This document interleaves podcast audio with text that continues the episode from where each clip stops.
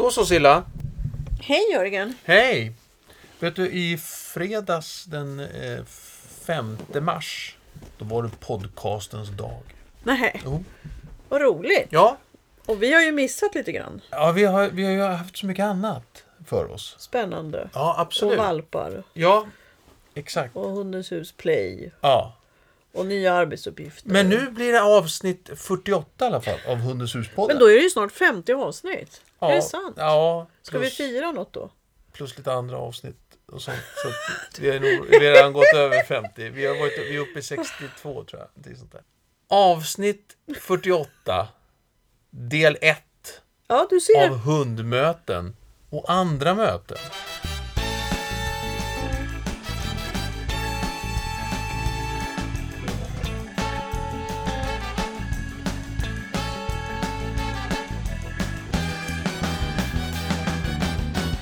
Ser, det var en liten siffra till där. Så vad, vad, vad, vad ska vi prata om Silla? Men ska vi inte presentera oss? Vi kanske har massa nya lyssnare nu. Exakt, mitt namn är Jörgen Danielsson och bredvid mig så har jag. Silla Danielsson. Och det här är som sagt Hundens hus-podden. Ja. Eh, som... som Har haft 48 avsnitt. Nej, men och eh, Hundens hus. Eh, kort, kort om Hundens hus, Silla. Hundens hus är ett, eh, ett center för dig och din hund. Eh, oavsett om du har valp eller tonårshund eller en vuxen hund, vill prova på nosework eller spår, kantarellsök. Alternativt faktiskt vill börja jobba med hund eller jobbar med hund. Just det.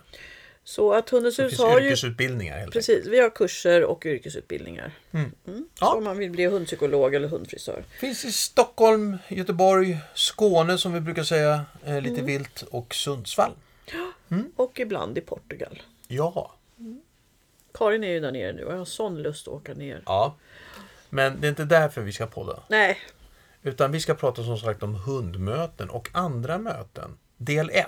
Vi kan säga att del 2 kommer handla om tonårshunden och hundmöten och andra möten. För det, det blir en annan historia. Eller vi behöver lite mer tid för det tror vi. Ja, nej, men det finns mycket att göra med tonårshunden som jag vill fokusera på bara på ett avsnitt. Ja, Och sen fick vi faktiskt frågan om att göra just om hundmöten. Så just vi det. fångar upp en av er lyssnare.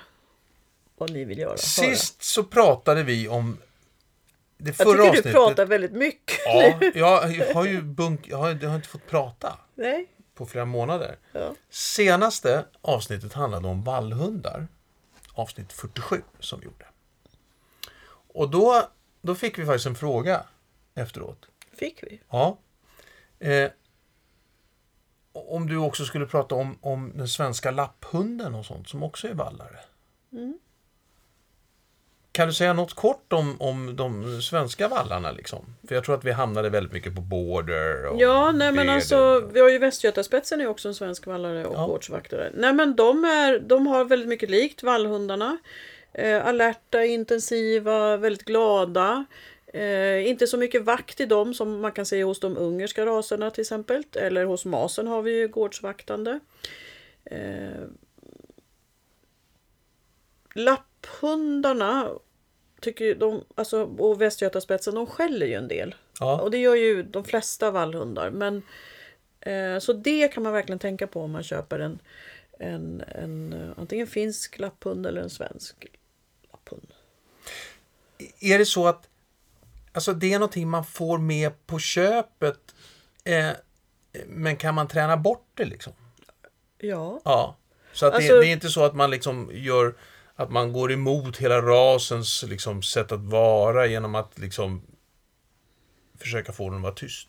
Tycker du att Zoe har blivit lite kvävd av all träning att vara tyst på altanen?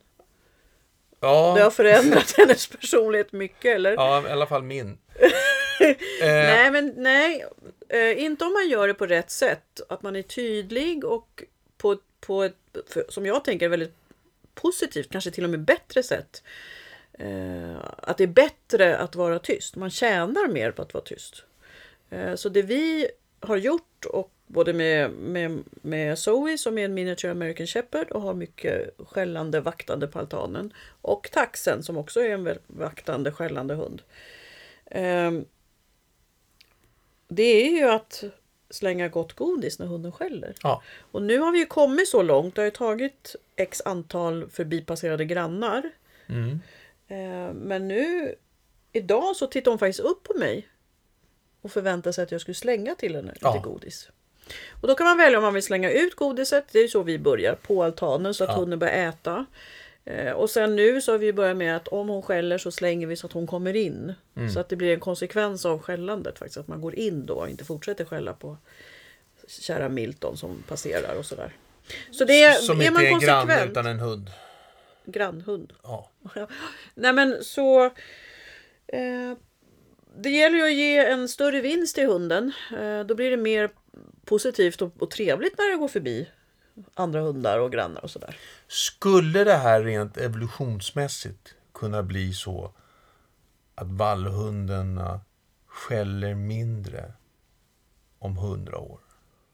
Nej, för det är genetiskt. Och om du fortfarande jobbar med hunden så att den skäller eller låter den vakta Ja, så kommer den att skälla. okej. Genetik har vi inte pratat om. Nej, nej, det har vi inte gjort. Det är Det ett stort och spännande område. Avsnitt 1, 2, 3 och 4. Mm. Bra, okej, men då har vi klarat av det då. Mm. Man tänker inte att de där lapphundarna är vallhundar. Jag tänker inte det. Nej, Nej. Jag vet att du alltid har tänkt så. ja, Men jag faktiskt. tänker på alla oss andra. Ja, hörru du, nu då till, till dagens Jag har ämne. isländsk fårhund också. Ja, det har vi. Och nu kan vi gå till dagens avsnitt. Om hundmöten. Jag tänkte bara Och- Nordens hundar och vallhundar och så. Mm. Och de är också lika. Ja. Ja, Hundmöten och andra möten. ja. Det är ju många som har skaffat hund under det här året. Mm. Nu när vi pratar om det här så är det 7 mars 2021. Mm. Eh, och eh, då är det kanske inte alltid, man tror kanske att eh, hundar är hundar. De löser det här själva. Eller de eh, eh, kanske också att eh, man tror att eh, många hundar ska tycka om varandra. Eh, och så vidare, så vidare. Och sen är det det här med när man är ute och går på promenaden. Hur, hur vill du lägga upp det här nu Silla? Nej, men jag tänker så här, det är många som har skaffat hund, så hundpopulationen har ökat, framförallt i de större städerna. Mm. Man kanske inte märker så mycket om man bor eh, på landet eller Nej. i en mindre ort. Eller jo, det borde man göra. Hundpopulationen har ökat och det här ställer till eh, att det blir trängre Ja. på, i parkerna och på gatorna och i, i skogen också. Om det är ett populärt till exempel vandringsled eller så, så kan man träffa på fler hundar än tidigare. Och också nu när våren kommer och, och det är varmare och så, då har ju människor en större benägenhet att vilja vara ute. Mm. Eh, och så då gör ju att det är ännu fler hundar eh, ute med sina hussar och mattar och går. Och, och då tänker jag så här, vad, varför kan det bli konflikter mellan hundarna och vad kan jag göra? Och, och det är inte bara det att det blir mellan hund och hund utan är, vissa hundar går ju igång även på joggarna eller det dyker upp mopeder och sådär. Så att, är det samma sak eller är det olika saker? Barnvagnar. Och barnvagnar. Ja, exakt. Är det samma sak? Jättebra. Ja. Och det är det inte. Nej.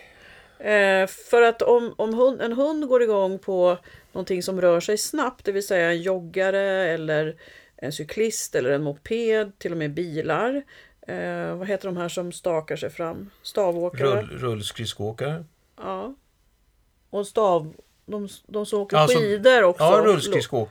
Rull, Nej, rullskrids- skid, rullskidåkare. Ja, och rullskridskoåkare och inlines och skateboards. Alltså det kommer ju massa Ja. saker med våren som rör sig snabbt. Mm. Och det är ju oftast ett jaktbeteende som går in i hunden. Som många vallhundar då reagerar på. Mm. Eh, och vi har ju upptäckt med Zoe redan att hon, hon reagerar till och med på bilar och joggare Ja. och cyklister och sådär. Eh, så det, är- det, är- det är vallningsinstinkten, att hinna ifatt och valla in och hålla fast kanske någon så.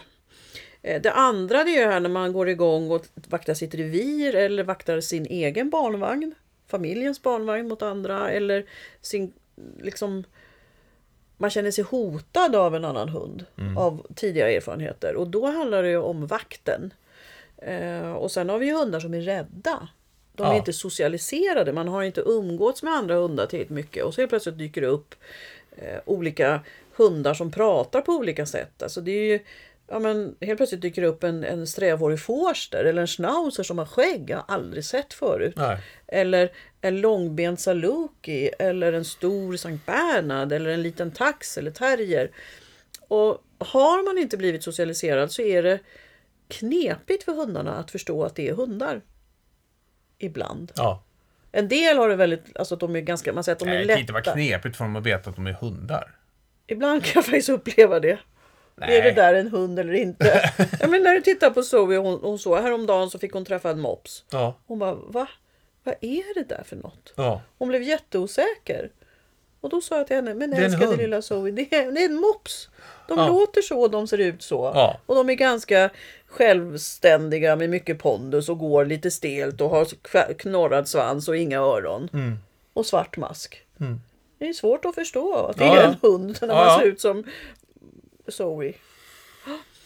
Eh, nej men och sen har vi hundar som på riktigt är Man rädda. sitter hemma i soffan och tittar i hundböcker liksom, tillsammans med sin hund. Ja, det här, det Ja, förstår det, du. KBT Ja. kan Ja, man verkligen säga. KBT. Sätta upp det på TV. Ja. Nej men och sen har vi de hundarna som faktiskt är rädda som har kanske antingen dålig socialisering eh, och eller dåliga erfarenheter. Att man faktiskt har blivit attackerad. Mm. Eh, Och ju fler hundar då som man ser på sin promenad desto räddare blir man. Som, om man har blivit attackerad. För det blir ju trauma varje gång man ser en annan hund. ja, just det. Och det kan också vara trauma för hundägaren. Då är det ju bra att inte alla hundar är hundar. Ja, så kan man Ja, uttrycka ja. det. Ja, Nej men så att... Eh, nu var det ju fyra olika saker. ja. som, ah, som gör att hunden kan reagera Mm. på mötande. Eh, både människor och andra hundar och om man säger människor på utrustning, cykel eller Mm. skateboard och sådär. Eh, Och, om, vi, om vi ska ta den här... det- Vi, vi, vi tar det tunga först. Det här med den här faktiskt som har blivit påhoppad någon gång. mm, Eh, hur ska vi... Hur, hur ska man tänka då, då i, i hundmöten? Man kan ju liksom inte bara gå eh, solo. nej, och man ska inte undvika eh, för då får man ju, alltså det, det hjälper ju inte hunden att bearbeta sina känslor och upplevelser. Men man får inte utsätta hunden för fler upplevelser så att man får en starkare känsla, det vill säga ett starkare trauma. Ja, just det. Eh, men när det gäller hundar som är rädda på grund av dåliga erfarenheter, påhopp, attack, eh, då, då är det ju viktigt att jag som hundägare beskyddar min hund. Mm. Så att jag hela tiden är före min hund, försöker vara så lugn jag kan vara. Är jag rädd själv, då, då, då behöver jag söka hjälp ganska fort tror jag. Ja. För min rädsla för över, förs över på hunden. Ehm, så att har jag en hund som faktiskt har ett svårt trauma eller jag själv upplever olust, skräck inför att träffa andra hundar eller vissa hundar. Det kan ju vara så att jag är rädd för taxar till exempel. Mm. Eh, För att min hund har blivit biten av en tax eller jag själv har blivit biten av en tax. Ja. Och kommer vi då ut med vår tax Mira så är inte det trevligt. Nej. Och så bor vi i samma område. Nej. Då, då tycker jag att har man en sån liksom daglig dos av olust då, behöver man, då tycker jag man ska söka hjälp. För hjälp finns att få. Eh, Och att anlita då en hundpsykolog som finns i, i närheten. Och där kan man gå in på Sveriges hundföretagare som har en karta och, Ja. och var man bor och sådär.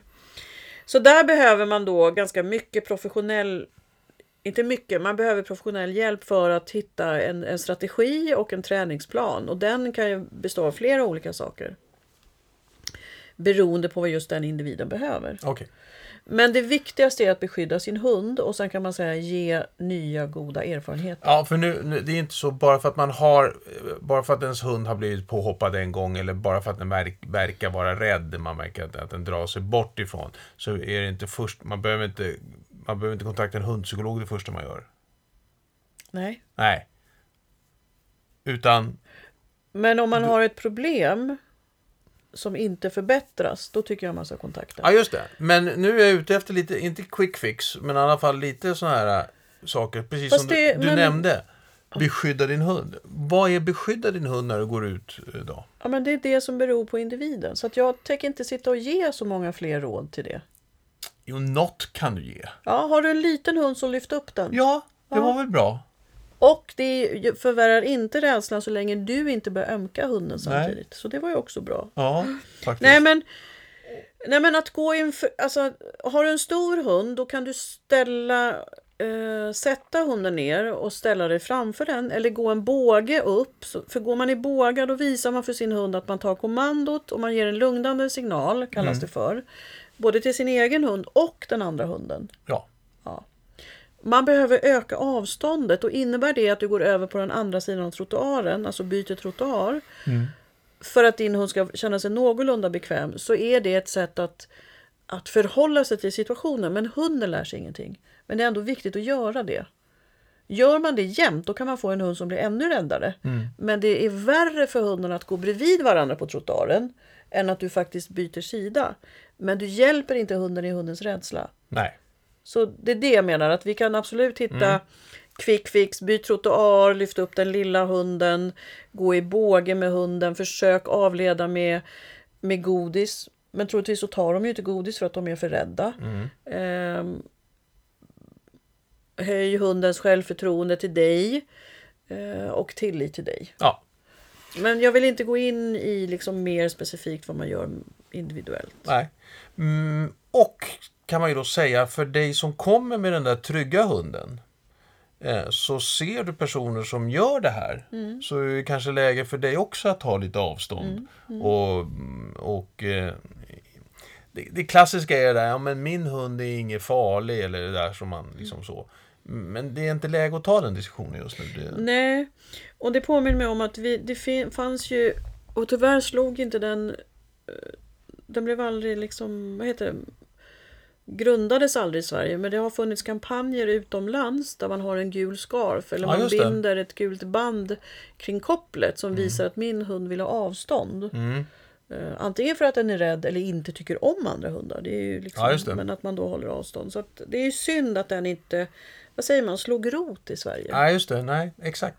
Utan den kom och så gick den och så har den kommit och gått. Och så Ja. där. Men en bra tanke med det. Gul Ja. scarf eller gult band på kopplet. Mm. Då håller man avstånd.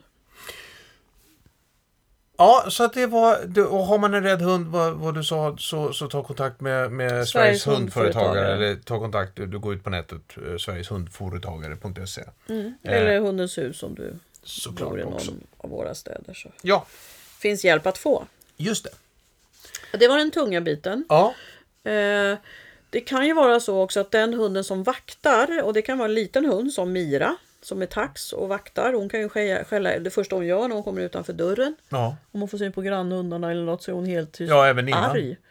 In, ja, med mig innan hon har ens...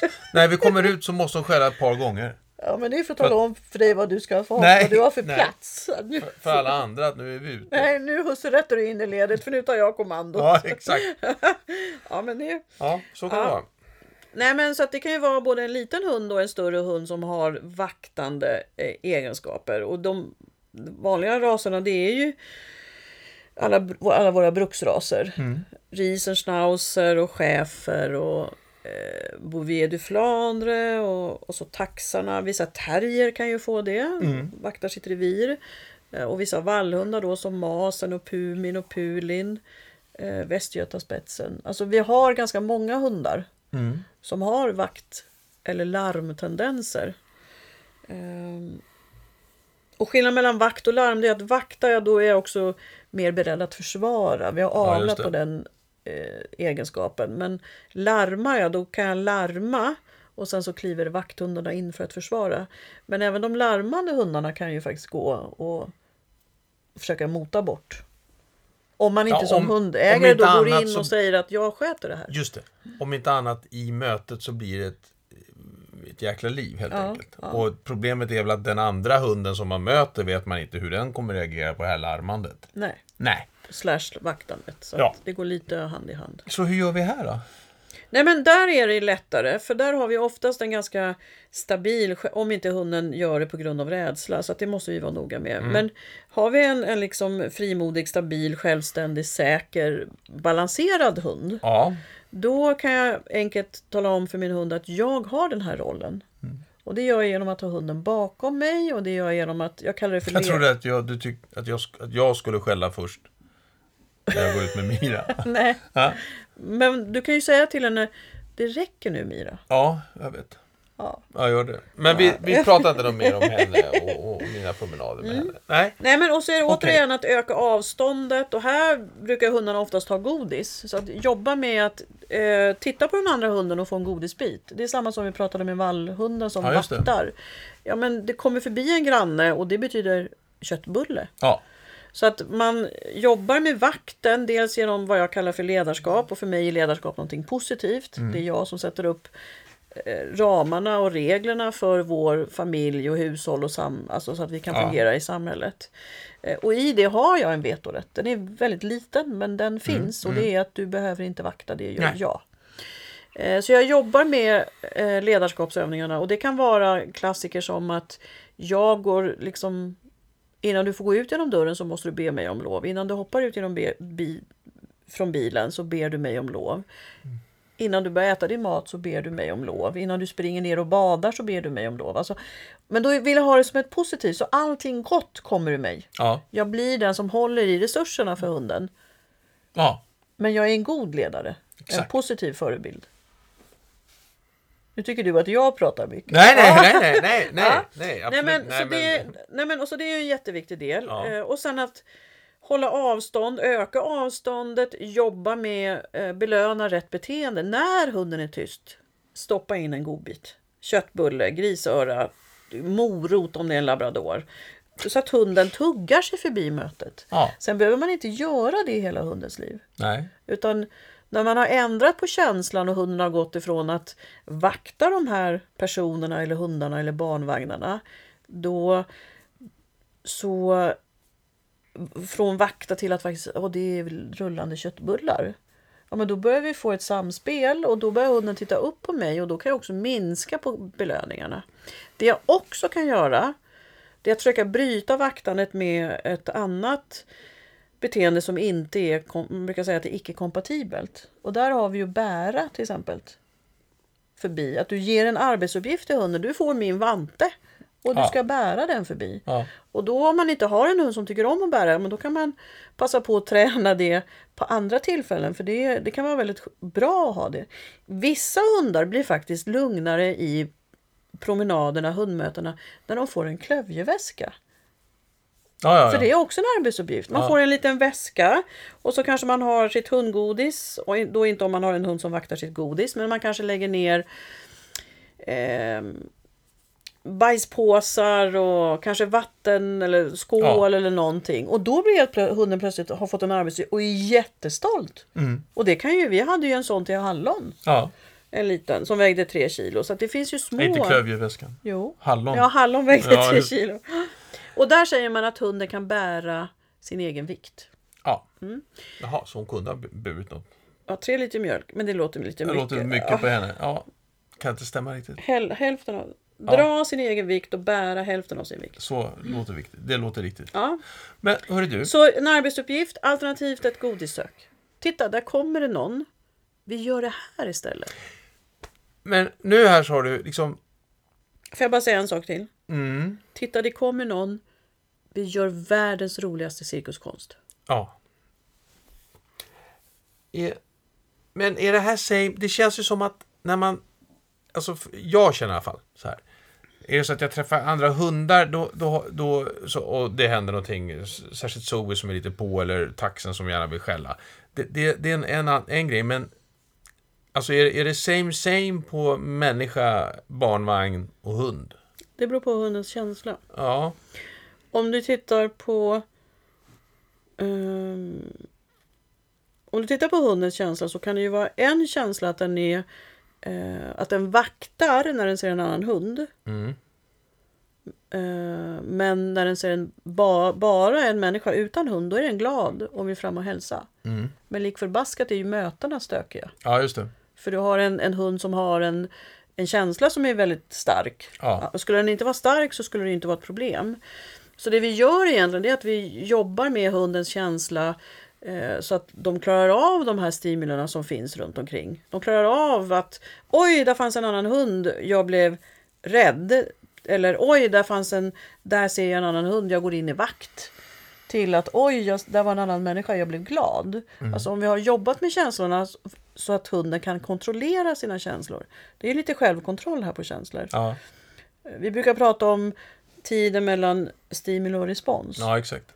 Att vi hinner öka den så att hunden hinner med. Och det, är, och det är därför jag vill speciellt prata om tonårshundar. För att den tiden mellan tid och, tid, alltså stimuli och respons, den är ju så kort hos unga hundar. Ja, Så där kan vi göra väldigt mycket för att öka den tiden.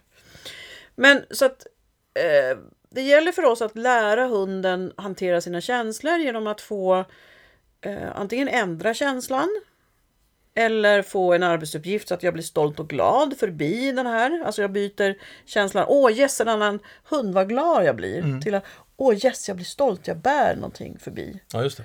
Ehm, eller, eh, åh, där är en annan hund. Och då, det betyder att jag får göra ett godissök eller min bästa cirkuskonst. Så att man försöker byta mindset, tillstånd hos hunden, Ja, känsloläge. Och ett, det lättaste sättet att göra det här är att börja eh, långt ifrån. ja just det. För att där handlar det om avståndet, att är den andra hunden människan för nära, då är det för svårt. Ja, Och då kan man kanske inte byta känsla. Eller gå in i en ny arbetsuppgift. Och nej, jag kan inte ta min, min, äh, min handske nu när jag är så nära den här människan som jag ska hälsa på. Ja, eller som jag ska skydda mig mot, försvara mig mot. Alltså. Eh, Och då har jag kommit för nära triggern, det vill säga stimulit. ja just det. Så avståndet är viktigt. Sen är det många hundägare och jag kan ibland hamna i det själv. Man får jobba, när man har en ung hund eller man har en hund med mycket känslor. Då, då får man vara ganska väl förberedd på att komma förbi det här mötet. Och då gäller det att hänga i så att man inte så fort man har passerat man slappnar av. För då kan många hundar vända upp och springa tillbaka. Ja. Man måste ta sig förbi hela mötet. Och ser man då att där kommer en barnvagn. Jag klockade ju en gång Årstaviken. Varannan minut var det ett möte. Där kommer en barnvagn, där var det en joggare, där var det en annan hund, där var det änderna, där var det en, ett rådjur och så höll det på sådär. Eh, och då kan man ju välja dels hur många möten man vill ha. Så att man själv är alert. Och så ska man också komma ihåg hur många möten klarar hunden av. Vad gör man sen då när man har kommit fram Man till att jag vill ha sju håll. möten? Ja, man går åt ett annat Ja, håll. det- Man går upp i skogen. I skogen. Ja, och går inte längs liksom, vad heter det, gångvägen eller stigen utan man går lite offroad. Nu har vi, har vi generellt har vi utgått, eller jag har sett framför mig att eh, det här är med koppel. Ja, Alla de här mötena sker i koppel. ja, så det har jag också tänkt. Ja, Vad tänker du nu då? nej, jag, jag bara tänker, en förlängning i det är ju det här med, att, med ett, ett, speciellt ett hundmöte. Eh, du, du har sagt det och vi har sagt det säkert jättemånga gånger i flera avsnitt, men att det är inte läge för två hundar egentligen att mötas i koppel. Nej, det är absolut inte optimalt för att hundarna kan inte eh, kommunicera på rätt sätt då. Nej. Ibland går det jättebra, så det, men ibland så kan det verkligen bli en katastrof. Speciellt om en hund blir arg eller rädd i mötet. Ja. Eh, Då kommer inte hundarna ifrån varandra och, och det kan bli en, en konflikt, en fight faktiskt. Men däremot har man, om man liksom har träffats förut, om det här är liksom en, en, en hundkompis, så finns det större förutsättningar för att det ska gå bra i kopplet. Ja, om inte den ena ska börja löpa eller den andra bor med eh, en hane som bor i ett område där det finns tikar som löper. Ja, det är lite grann att hålla koll på helt enkelt. Så vi skulle... Lycka till! Jag brukar sätta upp att högst två möten, sen går jag upp i skogen. Ja, Ja, det blir lite lagom känner jag. Eh, och det är ungefär vad mitt godis räcker till. Hör du, eh, så nu har vi pratat om den rädda hunden. ja, Hunden som vaktar och är glad. mm, Eh, sen hade vi de som jagar. just det. Eh, där är, är det så att det oftast går fortare. Var? Vad? Eh, jakten är väldigt stark. Jakt och vall är ju egentligen samma Ja, genetiska kod. Så det är liksom samma instinkt och den går så fort. Eh, och anledningen till att det går fortare det är att eh, om man ser en joggare så kanske inte hunden reagerar på joggaren förrän den har kommit ända fram eller till och med passerat. För hunden reagerar inte förrän det är nära. Och det är därför det går så fort. För det blir verkligen Ja men som med Zoe, hon är ju inne i sin vall på 0,2 0,1 sekund. ja. Eh, och är man inte förberedd då, då har man missat det tillfället. Ser hon en annan hund så ser man ju att hon tittar på den andra hunden. Man ser på Zoe vilken, eh, vilket tillstånd hon hamnar i. Om det är en liksom självsäker hund, ja, då kanske hon blir lite låg i sina energier och mer ja vänlig. det, fin- det finns ett mycket större mm, spann av, av eh, eh, ska säga, förberedelser från hennes sida. Ja. Och det finns inte i, i, Nej. i jakten. Nej. Och det går pang och sen är man inne i jakt. Ja. Det finns liksom inga förberedelsetid. Ehm, Så där gäller det att dels liksom, okej vad är det min hund går igång på? Och redan första gången, aha nu gick den igång på en joggare. Kanske var förberedd när det kommer en inlineåkare eller, eller så. Går de inte igång på mopeder, jätteskönt. Går de inte igång på bilar, jätteskönt. Men att man liksom får kartlägga lite, vad är det som triggar hundens jaktlust? Ja. Eh, och sen jobba med det då. Och där jobbar jag ju faktiskt lite skillnad från Absolut motbetingningen, det gör jag ju. Men jag lägger också in på långt håll ett tittarkommando. Så att när Zoe ser bilarna, titta och så får hon en belöning. Så att jag lägger ett ord innan godiset. Ja. Eh, Men jag kan också bara ge godis. Men jag varvar det här. Det som är viktigt ja, för det är ingen vits egentligen att ge något godis om inte hunden själv har sett varför den får godiset. Nej, den måste se först. Ja, så att jag gör motbetingningen, det vill säga jobbar med känslan att gå ner i varv när det passerar joggare. Ehm, men jag jobbar också med ett tittarkommando. Att titta, där är joggaren. Och, sen, och, och så ger jag en godisbit för det. Eh, Och sen kommer jag, har jag faktiskt börjat med att jag håller in godisbiten nu med henne. Och då ser hon joggaren och så tittar hon på mig. Och det är det vi kallar för rapportering, skvallring, autowatch. ja just det. Eh, Det som är eh, en fallgrop i det här det är att man jobbar för lite med känslan. Man jobbar bara med beteendet. Och eftersom de har så snabba reaktioner då så att har man inte jobbat med känslan utan bara beteendet så betyder det att även om jag har sagt titta, hunden tittar på mig och så när joggaren passerar så klipper jag joggaren i benet. För att jag har inte hunnit ändra känslan. Nej. Så vi får inte glömma äh, att jobba med beteende, alltså med, med känslan. Nej. Man slarvar lite med det.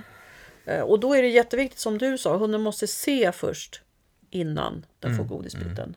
Eller tub. Vi brukar jobba, jag jobbar ju med ostub där. Ja. Faktiskt inte så mycket med Zoe för det går så bra med annat godis med henne. Och också samma sak där att nej men titta en joggare hon tittar på mig och vi gör ett godissök åt andra hållet så att jag sätter in henne i ett annat jobb. Och du har väl börjat att hon bär saker förbi joggare? Ja, det har blivit eh, framgångsrikt. Så att du ger henne en annan arbetsuppgift än att jaga. Och det funkar ju. Ja, det funkar. Och Det både, det, både eh, pinnar och en... Alltså jag körde ju med handske här mycket i vintras. Mm. Eh, men det visade sig att den, jättekul med en handske, men sen ville hon gräva ner den i första driva. Liksom. eh, så att hon skulle kunna hämta den nästa gång vi gick där. Så att den, den föll lite grann, men nu är det, är det pinnar som gäller. Mm. Och vad som händer då är att den, då bär hon den rätt så stolt förbi den där joggaren, Mm. eller andra hunden, eller whatever. Alltså klassiskt så. Eh, och sen så går hon några meter. När de har passerat, då går hon gärna upp och så ska hon lägga sig och tugga på den. Mm. Eh, men då kan jag ju ta upp den och så vidare. Men, men det ver- verkar som att det funkar just Mm. nu. det som jag tror att vi har gjort innan då, för vi har ju jobbat med de här andra två sakerna, det är ju ändra känslan Mm. och att börja titta. Så att nu är det läge liksom att lägga in. Det var spännande att hon gick upp och lägger sig och tugga, för det är nämligen lugnande. Mm. Så då kanske hon lugnar sig själv. Eh, hennes, man pratar om arousal, vad är det, medvetandenivå, aktivitetsnivå. Ja, arouse. Mm. Ja, att den stiger hos hundarna när det är bland annat när det är vallning och jakt och sådär. Hunden får en högre aktivitetsnivå, en högre arousal. Och om hon då behöver lugna ner sig genom att lägga sig och tugga Ja, så låt henne göra det tänker jag, för då blir nästa möte lugnare. Ja, för det där har jag också märkt det, det, när vi är ute och går. I och med att hon går igång lite grann på, kan gå igång på människor också om, om det är så. Att hon inte har något annat för sig. Att hon inte går och nosar någonstans och så vidare.